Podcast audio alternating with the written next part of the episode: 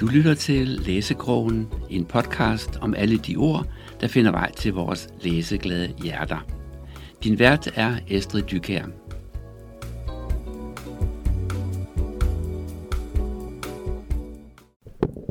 Velkommen til Læsekrogen, og velkommen til Rami Susu. Du har skrevet øh, uh, Protokollens Tjener, øh, og øh, det er en meget, meget spændende bog, som, øh, hvor man bliver bragt, bragt rundt til hele verden, havde jeg nær sagt. I hvert fald øh, både frem og tilbage i tid og rundt øh, geografisk. Prøv at øh, lige med et par ord at fortælle, eller lidt flere ord, men øh, ikke hele bogen, at fortælle, hvad det er, protokollens tjener handler om. Jamen, den handler om, øhm, altså nu kan lytter nu ikke se, på forsiden der er der et billede af Famers øh, maleri Pige med perleøring. Ja. Det handler øh, om at Famer, om hende pigen, hvem hun var, mm. øh, og hvad der skete med hende, Ja. Øh, og hvad der skete med det billede. Mm. Derudover så handler det om, øh, hvorfor det billede er så interessant for Ja. en masse mennesker. Ja. Øh, jeg, plejer, jeg kalder det en historisk tour de force, Ja. fordi jeg prøver ligesom at binde de forskellige tidsalder sammen, hvor det her billede ligesom er platformen. Ja. Så Ja, fordi vi starter jo i sådan et, øh, et hollandsk øh, hus, hvor det er lidt, øh, lidt klemt med økonomien, fordi den her kunstner, han har lidt for mange børn, og øh, lidt for, øh, måske lidt for, lidt for lidt produktiv, i hvert fald officielt. Ja. Og så har han sådan en gruppe, der øh, ligesom økonomisk øh, støtter ham, men også har en, en klemme på ham. Ja. Øhm, og og det, hvad, hvad er det, der sker der? Hvad er det, hvad er det, det har af konsekvenser? Hvad er det egentlig for en, øh, for en gruppe, der har fat i ham? ja. Øh, det man ved om Vermeer, Ja. man ved jo ikke rigtig noget om ham. Øh, skal du sige, jeg er uddannet historiker, og jeg har virkelig undersøgt sagen. Ja, Øh, man ved ikke noget om ham, man ved, at han døde som 45-årig. ja, Øh, man mener, han, eller han malede officielt 35 billeder, men man mener, han malede mange flere. ja, Og han havde de her 10 børn. ja. Man kender ikke hans skæbne. Øh, det, der går nogle teorier er omkring, det er, at øh, der er nogle folk i det hollandske samfund. Jeg skal sige, Holland på daværende tidspunkt, det er jo et land lige efter en tulipankrise, Ja. så hvor økonomien har været helt nede. Det Ja, begynder, fordi hvad er tulipankrisen? Fordi vi bliver, hver gang man læser noget her, så bliver man, hov, det der, det der er et, et aspekt af øh, verdenshistorien, jeg lige skal ja. have researchet på. Fordi der er en masse tråd ud. Så hvad er tulipan? Tulipankrisen, det øh, sker i midten af 1600-tallet.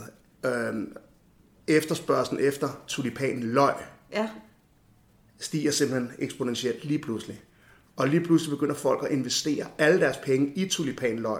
det lyder jo helt vanvittigt. Det er fuldstændig vanvittigt. Øh, Hvem er, hvem er de folk? Er det, er det. Versailles og sådan nogle steder? Eller, altså, hvem er det, der Jamen, bruger det- alle de her tulipanløg? Ja, men det, det er i Holland. Tulipanerne har ekstremt stor, øh, løg, har ekstremt stor affektionsværdi i Holland. Ja, jamen, det, det, det, tror, det ved de fleste. Ja. at det er noget, men... Og så starter det jo med, at nogen smider penge i. Ja, Det fungerer som en børs, som, det fungerer simpelthen som en aktie. ja, Først begynder de mere velhavende at investere i tulipanløg, Ja. ja. så finder folk ud af, at der er penge i det her. ja, Så almindelige næringsdrivende begynder at investere i de tulipanløg. Det går fuldstændig amok på de her investeringer. Lige indtil den dag, det krakker. ja. En, en boble, ligesom det kunne være med boliger og alt ja. andet, ikke? Og øh, der er jo rigtig mange folk, som har øh, belånt hus og hjem for at købe tulipanløg. De troede, det var en sikker investering. Hvordan kan man tro det? De kan jo rådne op. Ja, det er jo et godt spørgsmål. Ja. Men øh, det er jo, jamen altså, tag øh, krakke 1929. Hvordan Ja, kan man blive ved med at tro, det går godt? Men, men eksporterede de så de her tulipanløg, eller øh, puttede de dem på lager i deres øh, garage og stalle? eller? Jamen, de Det beholdt lyder dem som aktier. vanvittigt. De beholdt dem som aktier. Men, men skal, de ikke, skal tulipanløg ikke ligesom håndteres på en eller anden bestemt måde, for ikke at dø, udtørre eller rådne? Jo, men det er måske også det, der skete. Ja, men det er jo det, jeg tænker, der må være et eller andet. Men, øh, men jeg vil kalde det en øh, kollektiv massepsykose. Ja. der lige pludselig opstod omkring de her tulipanløg, at de blev ekstremt meget værd. Ja, Øh, og så har du lige pludselig øh, et land i armod. ja, Den her gruppe folk, de finder sig ud af, øh, vi er nødt til at investere i blivende aktiver. ja, Aktiver, der ikke taber værdi. ja, En af dem, af de her folk, han er, øh, han er jøde, fordrevet fra Spanien. ja, Og øh, han har også set, hvad der er sket med jøders ejendom. Altså, jøderne havde jo ligesom et safe haven i Holland. ja. Det er derfor, han spiller en, øh, en vigtig rolle i den her bog. Hvorfor har de det? Jamen, de havde lov til at eje. De havde lov til at eje ejendom i Holland. Altså, Ja. Holland var et øh, åben, øh, man kan kalde det et, et frit samfund. Ja. Det blev det betegnet som på daværende tidspunkt, det er 1600-tallet. Ja. Øhm, du har også, selvom Holland er primært protestantisk, så har katolikkerne, de har gode vilkår i Holland, de bliver ikke forfulgt. Det er, et, øh, det er et samfund med oplysning, der vægter oplysning, der vægter øh, intellektuel udvikling. Ja. Så, øh, så der er de her spirende filosofiske tanker om den her liberalisme. Det sker i Holland på daværende tidspunkt. Ja. Holland bliver jo også øh, lynhurtigt en førende nation, en handelsnation, oversøisk handelsnation. De er jo også i Danmark. Ja. Øhm, så, så der er rigtig meget, der sker i Holland på daværende tidspunkt. Der finder ham her guden ud af, Samuel, som man hedder i bogen, ja. øh, jøden, at han ved jo godt, at det her det kan ændre sig. Mm. Det kan man jo se på, på jødernes historie, så han siger, det kan ikke nytte noget, at jeg bare placerer mine penge i ejendommen. Hvad hvis staten kommer og tager dem fra ja. mig? Så derfor begynder han at sige, at vi er nødt til at investere penge i billeder. Ja.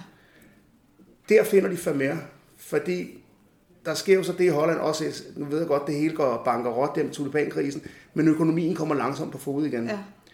Der begynder faktisk som det første sted i Europa at komme en middelklasse mm. i Holland, hvilket jeg, jeg synes er meget interessant. Ja. Øhm, en af de her, som er pengemænd, han er slagter. Ja. Øh, også en historisk person. Og hvor mange andre lande på det tidspunkt ser du en slagter være sådan en øh, fremhævende. Ja, det er sådan...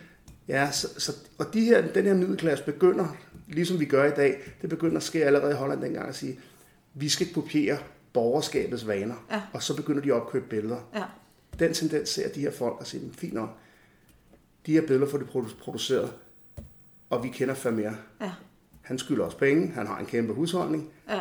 og øh, så længe han forsyner os med billeder, mm. så øh, forsyner vi ham med øh, kredit. Ja, okay. Så det er ligesom, øh, det, det kan man sige, det er starten på det hele. Det er, det er at han står egentlig og er hele tiden under pres. Han har ja. hele tiden en deadline hængende over sig. Og den er jo dobbeltsidig, fordi han skal producere noget ja. til de her pengemænd, så han ligesom kan holde øh, foden fra døren. Ja. Og de der billeder, de ryger så ud, men der er nogle helt særlige billeder, han faktisk ikke har lyst til, de skal se. Ja. Og hvad er det så? Fordi det er jo faktisk det, der kickstarter hele handlingen ja. her. Det bliver, det bliver det, fordi Vermeer han ved godt, at han, øh, han lever på lång tid. Mm. Øh, fordi det, han maler de her billeder i hemmelighed om natten, ja. og han skal også producere om dagen, når ja. han har den der husholdning. Ja.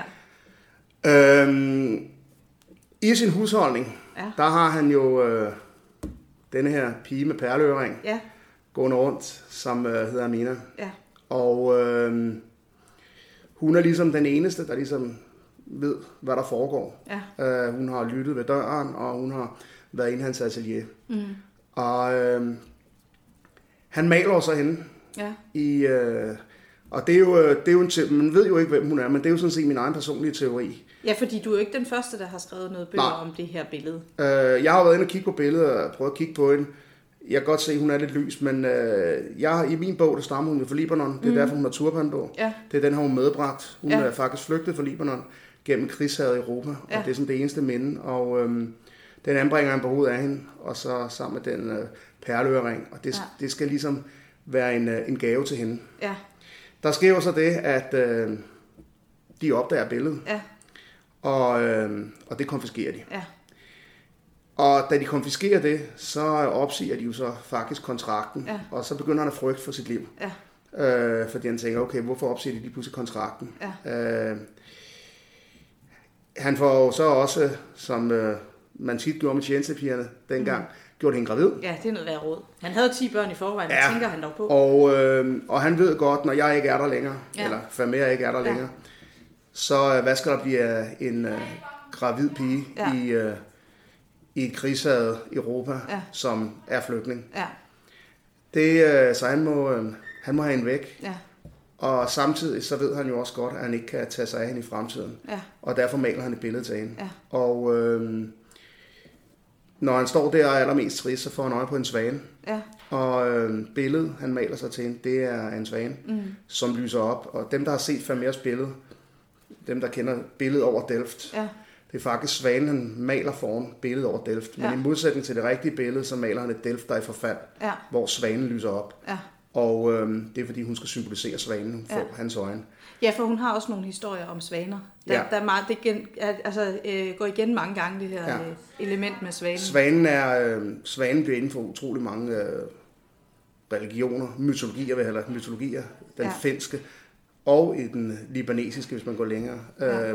brugt som en, en magisk fugl. Ja. Og, øh, og derfor... Øh, derfor bliver, bliver hun symbolet på svanen som en magisk fugl, ja. som, øh, som bliver ved med at overleve. Ja. Men samtidig også en ensom fugl, ja. fordi hvem er hun nu? Hun Ja. er på flugt med et barn. Ja. Og det billede, men det billede, det skal så være mere skave Ja. til hende og de kommende generationer. ja. Og det er så hele startskuddet. Ja. Og så kommer vi op til nutiden. Ja. Og så sker der noget helt andet. Så sker noget helt andet. Ja, fordi hvad er det så? Her har vi også nogle spændende, magtfulde mænd. Jamen er de nu så magtfulde? Ja, i hvert fald i deres eget hoved til at I starte deres med. eget hoved. øh, fordi de her folk, Ja. ja. lidt ligesom Vermeer, er jo faktisk alle, hele persongalleriet Ja. har jo det til fælles med Vermeer, at de er jo egentlig nogle ensomme skikkelser Ja. i bund og grund. Ja. Men det er rigtigt. Øh, vi har en godsejer, som øh, har sat sig i spidsen for en bevægelse, der hedder Protokollens Tjener, ja. som blev stiftet af de her folk, som i sin tid havde ja, de pengemænd, der De her pengemænd, der- mere der, ja. for, forsynet for mere med, Ja. med penge. Øhm, og han er, øh, det er kommet ham for øre, at øh, der er et billede Ja. ude på, øh, der er en øh, gut, der ligger inde med et billede, som man mener er malet af Vermeer. Ja. Et billede af en svane. Ja. Øh, og som jeg lige har sagt, Vermeer malede et billede af en svane. Og det billede vil han meget gerne have fat i. Mm. Og øh, dertil så øh, hidkalder han sin øh, tro væbner, mm. som øh, jeg kalder arkitekten, Ja. som er en frafalden IRA-mand. Ja. Ja, fordi nu er vi lige pludselig over i øh, Nordirsk konflikt. Ja, men det er jo ikke, det er jo ikke, det er ikke helt tilfældigt jo. Nej. Fordi øh, konflikten i Nordjylland startede jo ved, at William af Oranien, mm. statsholderen af Holland, Nederlandene, sejler til den irske ø og Ja. giver den katolske Ja. Jakob, som Ja. vil tage magten Ja. i Irland, en på frakken. Ja. Og det er jo derfor Oranjeordenen Ja. marcherer en gang om året. Så det er jo derfor, jeg synes, det var interessant Det at er sige. meget spændende, og det, det er det, at du siger det selv, det er en historisk tour de force igennem ja. Ja. Europa, og det er det virkelig. Altså man, man får nogle øh, af de der konflikter op, som man måske har hørt om, det har været sådan lidt baggrundsstøj, og så man har måske ikke lige forholdt sig til, hvordan passer den konflikt ind i den og den Nej. og sådan noget, men, men det hele bliver ligesom øh, snurret sammen her. Præcis. Så vi har fat i arkitekten, og han skal ja. Så ud og have fat i det billede. Ja, han skulle have fat i det her billede, Ja. og øh, så får han at vide, at han skal... Øh, arkitekten skal man jo forstå, han er jo en, der... Øh, han arbejder for godsejeren. Ja. Så han siger, og godsejeren siger, nu skal der have fat i hende her pigen, en, der keder sig i centralorganisationen, Ja. øh, og ellers horer og drikker som en øh, havnearbejder, Ja, det gør hun godt nok. Ja. Øhm, og det er fordi, jeg synes tit i de her bøger, der bliver de der kvindelige hovedpersoner altid så karikeret. Ja. De, oh, de er så intelligente, de er enspænder, og så tænker jeg, Ja. nu laver jeg sgu en anden enspænder, Ja. i stedet for denne her. Hun, er, hun, er, hun har det ikke så nemt, fordi han møder så Ja. Og hende skal han have med. Og det, hvor, hvorfor skal han egentlig det? Det undrer ham lidt et par gange. Ja. Hvor- Hvorfor skal Ja, det det er lige pludselig... hendes rolle. Han kunne da gøre det selv. Han er jo en handlingsmand. Han er Ja. soldat. Han kan bare gå ud og gøre det. Øhm, og det finder man jo ikke ud, og det finder man jo først ud af til sidste bogen, hvorfor ja. hun lige pludselig skulle Ja. ja. ind. Men, øh, men jeg delagtiggør øh, læserne jo i arkitektens overvejelser. Ja. Øh, han, skal, han skal overvåge hende, han skal finde ud af, hvad hun er for en, han får en masse oplysninger om hende, og han tager simpelthen og han har et møde med hende. Hun skal ansættes i en af de her for protokollens tjeners firmaer, så Ja. hun skal tage med ham til Holland, fordi hun har forstand på Holland og mere. Ja. Og arkitekten er sådan lidt, altså, hvad skal jeg hende med for? Ja. Øh, og det er jo også meningen, at læseren skal tænke, Ja, hvorfor nu det? hvor, hvorfor skal hun nu med, Ja. ikke? Øhm, og det øh, er der jo så en uh, forklaring Ja. på senere i bogen, Ja. som jeg ikke kan afsløre her. Nej, det er, jo, det er jo tavligt. Jeg har også, men jeg fortæller lidt i starten, men vi skal ikke fortælle, Nej. hvad der, hvad der videre sker. Øhm, men, men det bliver jo spændende, og det bliver den her Tour de Force. Og jeg, jeg, jeg er jo vildt fascineret af, hvor meget research der må ligge bag den her bog. Fordi du er i mange lande, du er i mange ja. konflikter, du er i historiske tider frem og tilbage, og så er du også i hele den der kunstverden, som jo i sig selv også er et, lidt, et, måske lidt et lukket øh, forum for mange. At det, det ved man ikke så meget om, det her med kunstmalere og øh, forestilling om, hvordan de her kunstværker er blevet til. Du har virkelig været i gang i noget research. Du siger, at du er uddannet historiker. Hvordan, hvordan griber man sådan en opgave an? Og hvor mange år har det taget at lave research til det her? Og hvordan har du overhovedet fået ideen? Prøv, ja. at, øh, fortæl, prøv først at sige, hvordan fik du ideen til det her? Det gjorde jeg faktisk, fordi at øh, der var ansat i øh, det daværende integrationsministerium. Så Ja. var jeg tilknyttet til et talentprogram. Og i den forbindelse var jeg øh, udstationeret i Den Rak i øh, Ministeriet for Sport og Velfærd. Okay. Og det har selvfølgelig ikke noget med kunst at gøre. Ikke så meget, nej. Men hvad laver man, hvad laver man i weekenderne, når man er stadig uden sin kæreste, Ja. ja. øh, og man ikke rigtig kender nogen? Ja, jeg, gik i hvert fald ind og så Vermeers billede, Ja, og altså Pige med perleøring, Ja. ja. som hænger i Mauritshuis i, øhm, i Den Haag. ja. Og det fascinerede mig. Jeg havde selvfølgelig set det før, men det var første gang, jeg havde set det. Ja. Og øhm, så en af mine kolleger øh, der i, øh, i, i Holland, Ja. ja. hun boede så i Delft. Ja. Så jeg kørte med hende til Delft en dag efter arbejde, og så var jeg inde og se Vermeers hus, og så bookede jeg sådan en lokal kunsthistoriker til at vise mig rundt. Ja, Og hun fortalte mig så om øh, det her billede, Ja. og om alt det, man ikke ved om Vermeer, men også om den teori, ja, at han var i lommen på nogen, ja, og der var nogen, der havde en klemme om ham, Ja. og der er mange flere Vermeer-billeder i omløb. Og det synes jeg egentlig var lidt spændende. Ja. Og så øh, tog jeg nogle notater, men fik ikke rigtig gjort mere ved det, fordi, som jeg også skrev på et tidspunkt, jeg, jeg var ikke interesseret i at skrive en bog, som var sådan noget Da Vinci og hemmelige koder. Nej. Det skulle ligesom være noget, jeg kunne hæfte op på, noget som ligesom var, øhm, var historisk korrekt. Ja. Og så tog jeg nogle notater, og lige pludselig tegnede skelettet sig, fordi jeg var ude og holde et foredrag for nogle øh, historielærer. ja, Og det, der egentlig slog mig, hvor lidt, med al respekt for dem, men hvor lidt de egentlig vidste om historien. De vidste, hvornår 1. og 2. verdenskrig startede og sluttede. De vidste, hvornår grundloven blev underskrevet, og om den kolde krig. det er også det, der står i historiebøgerne jo. Ja. Alt det andet står der jo ikke. Og så tænker jeg, undskyld, vi bor altså i Europa, mm.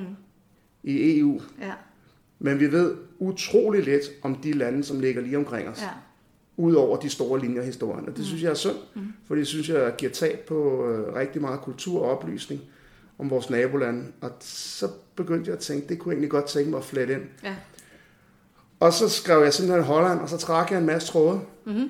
til forskellige, hvad, hvad, hvad er det for nogle historier, ja, der kommer ud af den hollandske historie, mm. af Vermeers tid, Ja. ja. religionskrig, så dukkede konflikten i Nordjylland op. Og så tænkte jeg, øh, det kan godt blive til en bog. ja, Øhm, og fik ikke gjort så meget ved det. Så for øh, fem år siden var jeg på en ferie med noget, der hedder Gulliver Rejser, mm-hmm. hvor jeg møder en hyggelig fyr, en der hedder Lars Bæk.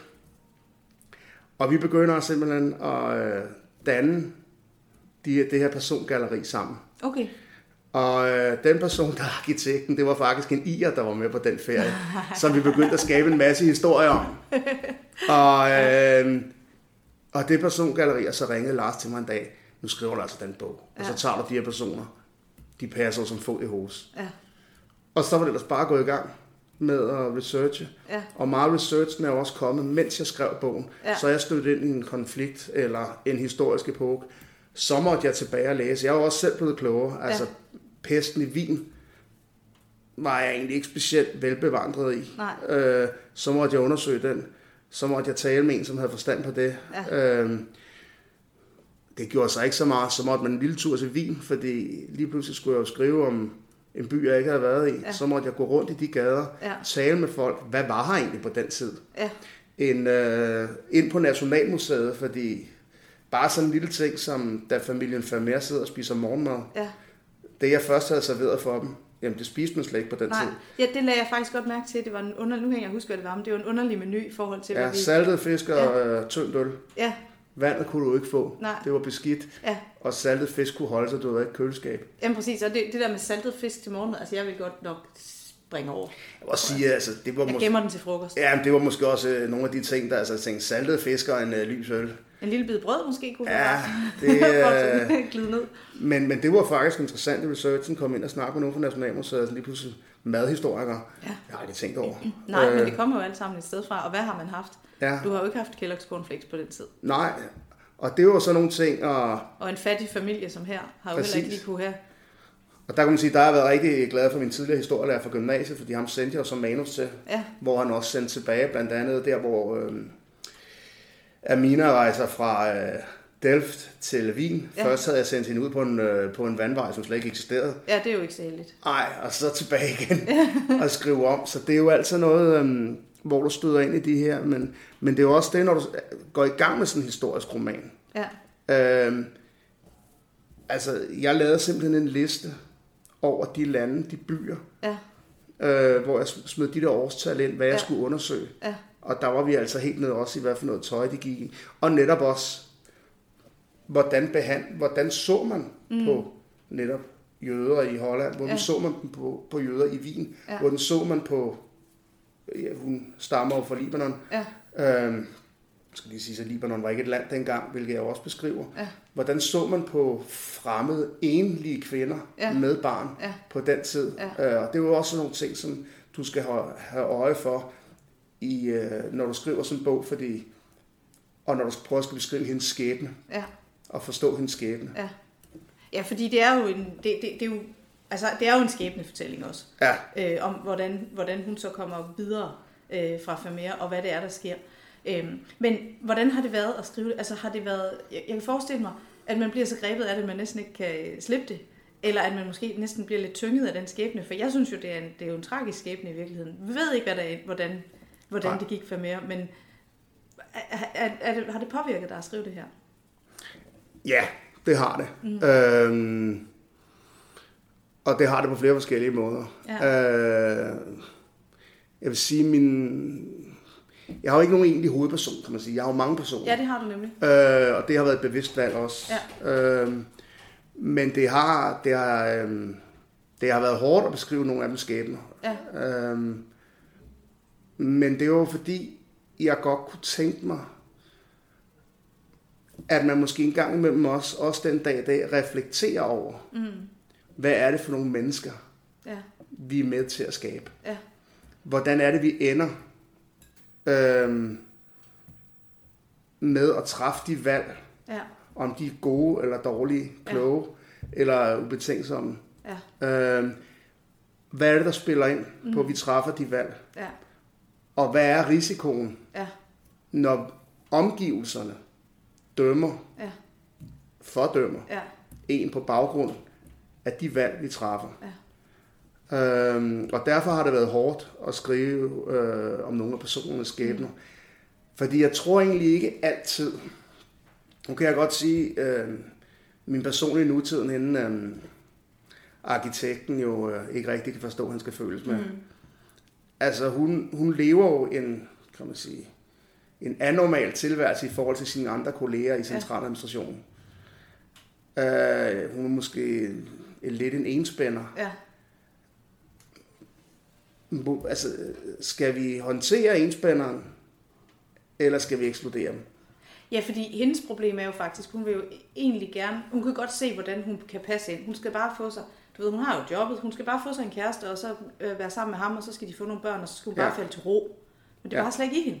Det er ikke hende. Og, og, og hvad gør man så? Hun prøver jo faktisk lidt at have, have den der kæreste, som hun så faktisk ikke er særlig sød ved. Nej, øh, det kan man ikke sige. Overhovedet. Og, og, og det er jo egentlig, for, det er jo lidt synd for hende også, fordi det er jo ikke, fordi hun vil være ond mod ham. Nej. Det er bare, fordi hun har ham kun, fordi hun ligesom skal have ham. Præcis. Og så skulle hun jo egentlig måske lade være. Så skulle hun lade være, men, ja. men kan man det? Kan man det, når man sidder som specialkonsulent i en centraladministration, i en kommune? Kan man så bare lade være med det, uden at møde altså modstand? Modstand. Mm. Det er jo et spørgsmål. Ja. Øhm, og hvad gør det en ja. ved en konstant at møde modstand mod... Ja, eller undren, eller den eller der udfordring. Hvorfor ja. gør du sådan? Altså det svarer jo til, hvis man er en kvinde på måske 32, og man er single, eller man er måske endda i et parforhold, og folk kommer og siger, skal du ikke snart have nogle børn? Ja. Og man har nærmest ikke lov til at sige, at jeg synes sgu ikke så godt om dem. Så nej.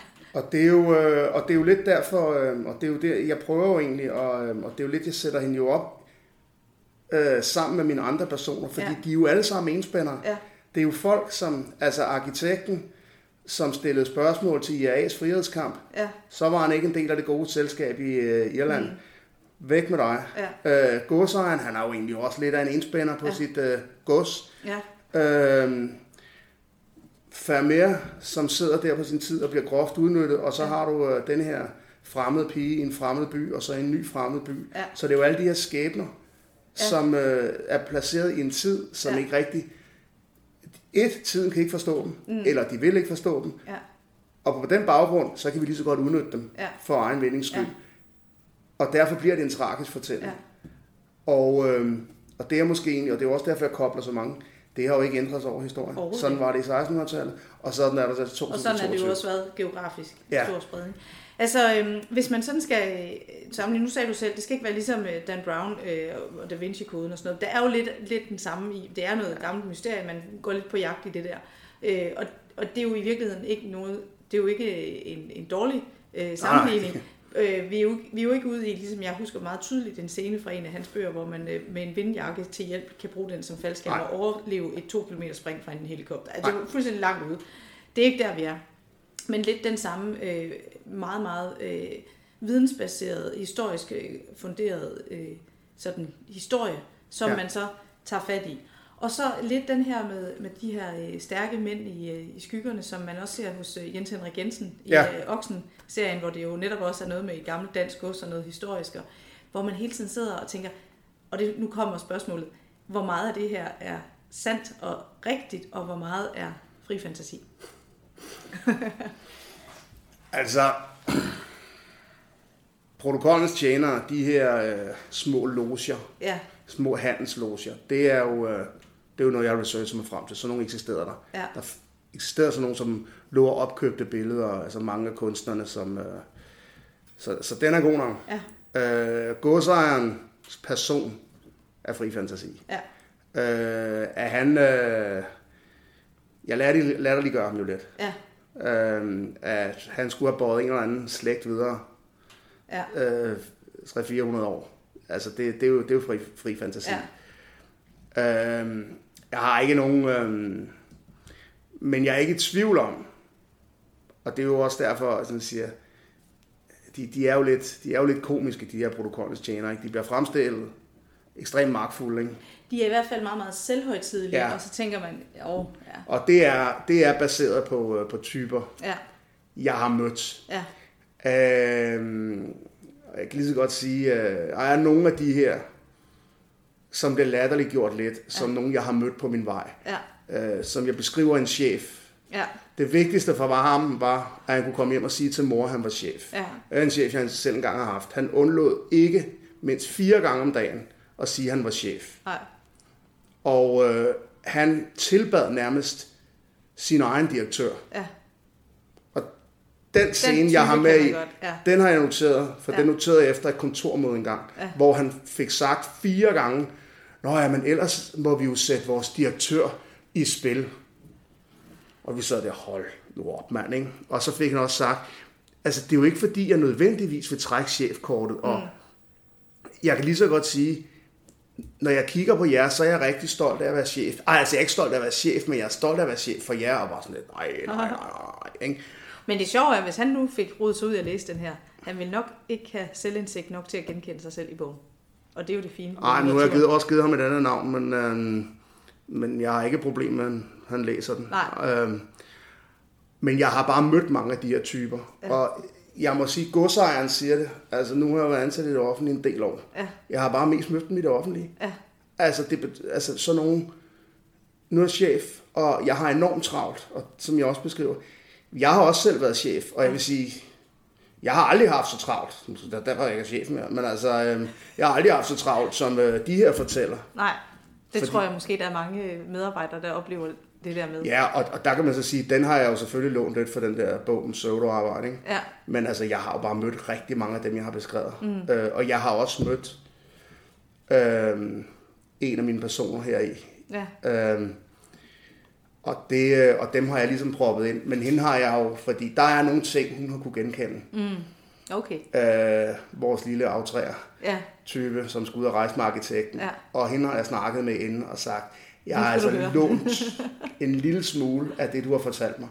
Fordi jeg synes simpelthen, det var for men fantastisk. det er et fantastisk øh, salgsargument, øh, når folk spørger, hvad handler din bog om, så skal du bare sige, at den handler om dig, så er Ja. du nødt til at købe den. Hun har også så. købt den. Ja, Hun var, hun var, ikke, hun var ikke helt tilfreds. Nej, sådan, sådan kan det jo gå. Mm. Øhm, nu er vi faktisk ved at være ved vejs ende. Vores, Ja. øh, vores halve time er gået. Øhm, det har været super spændende at læse din bog, og ikke mindst at møde dig.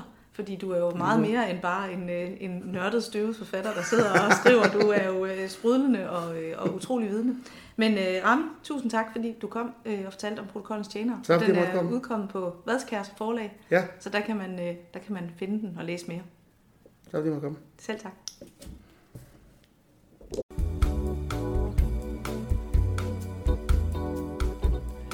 Du har lyttet til Læsekrogen med Estrid Dykær. I teknikken sad Flemming Vestergaard. Følg med på læsekrogen.dk eller find os på Facebook.